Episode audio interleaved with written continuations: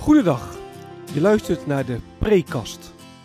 Een podcast over de preek die ik afgelopen zondag gehouden heb in de Maranatenkerk in Bunschoten, Spakenburg. Fijn dat je luistert. Mijn naam is Gertjan van Harten.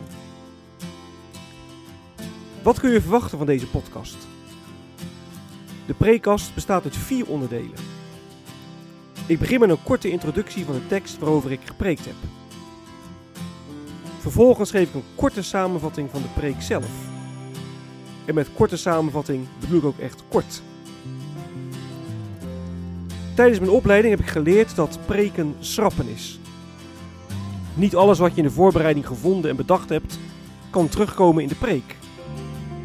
Wat heb ik laten liggen wat het overdenken wellicht waard is? Daar wil ik het over hebben in het derde deel van de preekkast. En tenslotte sluit de preekkast af met een aantal verwerkingsvragen.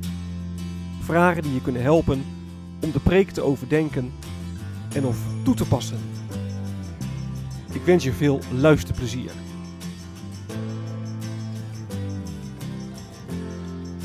De tekst.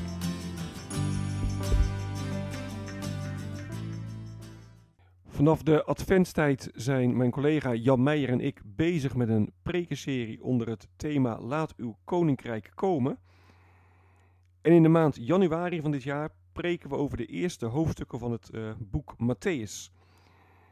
En afgelopen zondag prees ik over Matthäus 4, vers 12 tot 17. Daar lezen we dat uh, Jezus na de gevangenneming van Johannes de Doper uitweek naar Capernaum in het gebied van Zebulon en Naphtali. En dan staat erbij, zo ging in vervulling wat gezegd is door de profeet Jezaja. En dan wordt er verwezen naar het slot van Jezaja 8. Land van Zebulon en Naphtali, gebied aan de weg naar de zee en aan de overkant van de Jordaan. Galilea van de heidenen, luister.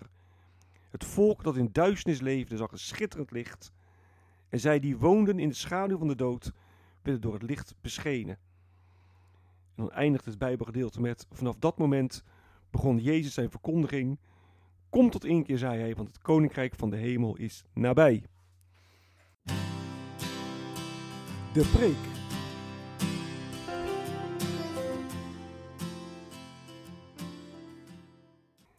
Als alles duister is, dat is het thema van de preek. Na de gevangenneming van Johannes de Doper gaat Jezus naar Capernaum in Galilea. Deze stad lag in het oude stamgebied van Naphtali. En hier was in 732 voor Christus de ballingschap begonnen, toen de Assyriërs dit gebied veroverden. de ballingschap was een orde van de heren. En daar waar God met zijn orde komt, ja, dan kun je zeggen, daar treedt de duisternis in, dan wordt het donker.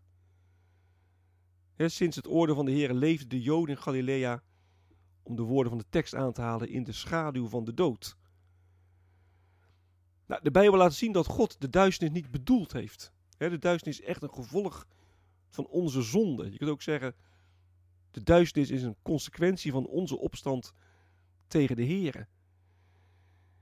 En het is dan ook echt de omgekeerde wereld wanneer wij God in de beklaagde bank gaan zetten voor alle ellende op aarde. En dat hoort u wel vaak. Als God er is, waarom gebeurt dan dit? Als God er is, waarom gebeurt er dan dat? Waarom zijn er dan oorlogen? Waarom is er dan misbruik? Waarom is er dan honger? Waarom zijn er dan psychische moeite? En dan kunt u eindeloos doorgaan. Maar de Bijbel laat zien, de duisternis komt er door ons. Tegelijk zegt de Bijbel ook dat God er geen genoegen mee neemt dat wij uh, nou, het licht van de schepping hebben uitgedaan. Ja, God wil helemaal geen wereld waarin mensen vastlopen. Een wereld waarin mensen ziek worden en, en sterven. En daarom heeft hij zijn zoon Jezus Christus naar de aarde gestuurd als het licht voor de wereld. En het is bijzonder dat Jezus zijn werk uitgerekend in Galilea begint.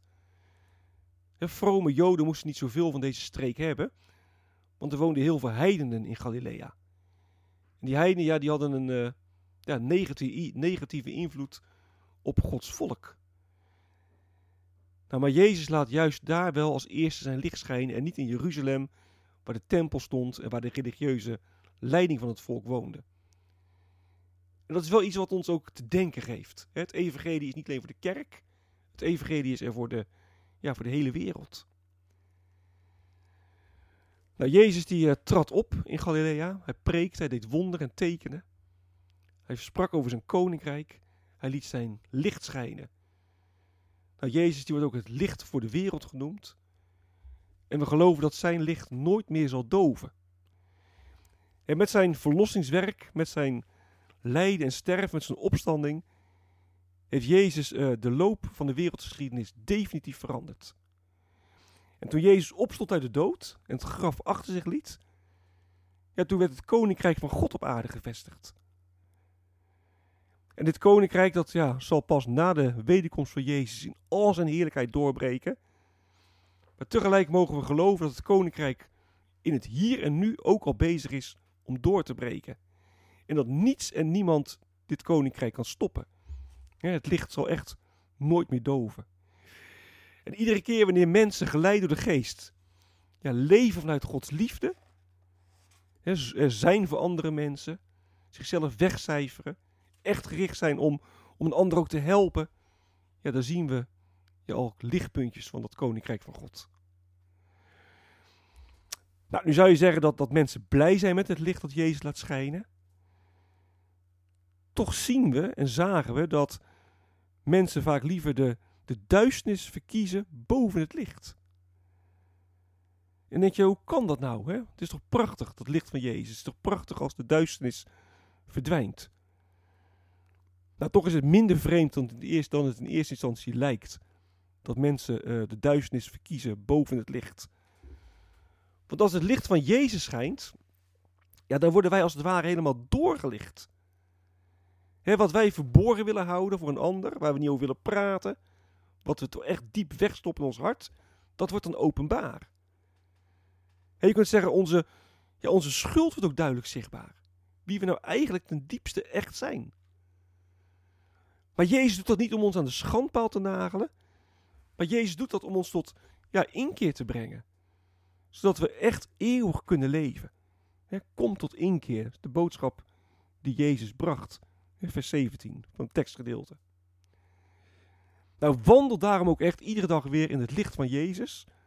Want zonder dat licht verdwaal je. Zonder dat licht kom je echt niet goed uit. Kom je om in de duisternis. Maar met zijn licht wijst Jezus ons de weg naar het heerlijke koninkrijk van God. Wat is blijven liggen?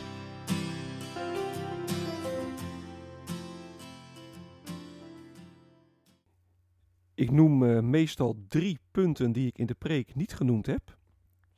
Maar dit keer wil ik uh, zelfs vier punten noemen. Ik heb een, uh, een bonuspunt, om het zo maar te zeggen. Nou, het eerste waar ik geen aandacht aan besteed heb, dat is aan de gevangenneming van Johannes de Doper. Het tekstgedeelte begint ermee. Toen Jezus hoorde dat Johannes gevangen genomen was, week hij uit naar Galilea. Nou, wat was nou de reden van die gevangenneming? Daarover kun je lezen in Matthäus 14, vers 1 tot 12. En ik heb dat gedeelte ook opgenomen eh, op het eh, preekblad in het Bijbelleesrooster. En daar lezen we dat Johannes de Doper publiekelijk Herodes Antipas had aangesproken. Hij had hem vermaand. Herodes die, had een relatie met Herodias. Dat was de vrouw van zijn halfbroer. En Johannes zei, dat kan niet. Dat, dat kan niet bestaan voor Gods aangezicht. Daar kun je ook heel veel van leren. Dat Johannes de Doper ook niet, niet bang was om ook hooggeplaatste mensen, belangrijke mensen, om die aan te spreken op, uh, op hun gedrag, op hun zonde. Zonder uh, onderscheid des persoons um, sprak hij de mensen aan. Nou, daar heb ik uh, de preek geen aandacht aan besteed. Omdat het niet zozeer over Johannes de Doper gaat, maar meer over het koninkrijk, hè, deze prekenserie. Maar wellicht spreken we later nog een keertje over, Johan, of over Matthäus 14 en komt dat uh, ter sprake.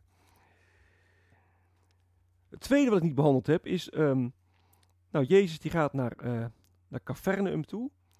En als je dat zo leest, Jezus hoorde dat Johannes de Doper gevangen genomen was, toen week hij uit naar Galilea en hij ging wonen in Capernaum. Dan lijkt het een beetje alsof Jezus hier vlucht, vlucht voor Herodes. Is hij ook bang dat hij gearresteerd gaat worden? Nou, dat is echt wel een, een misvatting. Want Herodes Antipas, die, ja, die regeerde ook over Galilea. En aan het meer van Galilea, hetzelfde meer als waar Capernaum aan lag, had je ook de stad Tiberias liggen. Dat was nog geen, nog geen 15 kilometer uh, ten zuiden van uh, Capernaum. En uh, ja, dat was eigenlijk de stad van Herodes. Dus Herodes die, die had ook daar heel veel macht, die had ook daar voor het zeggen. Dus als Jezus echt, echt weg wilde gaan, of weg, weg wilde vluchten voor Herodes, hij beter naar Judea kunnen gaan, in plaats van naar Galilea. Ik las overigens ook in een commentaar, ik heb daar niet verder over nagedacht, maar dat is ook wellicht overwegen waard, dat Jezus juist heel bewust naar Galilea ging om ja, Herodes als het ware uit te dagen. Nou goed, hoe dan ook, um, Jezus ontvlucht het gevaar absoluut niet. Een derde punt wat ik uh, niet genoemd heb, dat is eigenlijk vers 17. Vanaf dat moment begon Jezus zijn verkondiging. Kom tot inkeer, want het koninkrijk van de hemel is nabij. Dat is natuurlijk een heel essentieel punt ook. Uh, heel essentieel punt ook dat kom tot inkeer, die dringende oproep, dat appel van Jezus. Daar heb ik uh, nu geen aandacht aan besteed, omdat ik, omdat ik twee weken geleden gepreekt heb over Matthäus 3, vers 2. Waarin, Jezus, waarin Johannes de Doper zegt, kom tot inkeer, want het koninkrijk van de hemel is nabij. Daar heb ik wel uitgebreid gehad over bekering. Dus dat heb ik nu uh, laten liggen. En dan nu nog een, uh, een bonuspunt. Een, uh, een echte hersenkraker waar je nou, ja, je gedachten over kunt laten gaan. Dat is vers 15. Er staat land van Zebulon en Naphtali. Gebied aan de weg naar zee. En aan de overkant van de Jordaan. Galilea van Heinde, luister. Het gaat me even over aan. gaat me even over. En aan de overkant van de Jordaan. Het overjordaanse. Dat is in de Bijbel altijd het gebied ten oosten van de Jordaan. Het gebied buiten het beloofde land. Maar als je een, een Bijbelse atlas pakt, of je zoekt het op uh, Wikipedia op, dan zul je zien dat Capernaum niet ten oosten, maar ten westen van de Jordaan ligt. En je kunt je dus afvragen, ja, hoort het uh, daarmee dan wel echt tot het overjordaanse? Waarom staat dat hier zo? Nou, er zijn, uh, het is niet, natuurlijk niet echt een heel belangrijk punt, maar het is wel eens leuk om daar eens even over na te denken. Ik heb al wat verklaringen gelezen in de commentaren, maar die, die verklap ik niet. Nou, wellicht kun je zelf eens wat op onderzoek uitgaan. Dus Caverneum, is dat nou echt het overjordaanse zoals hier staat? Verwerkingsvragen.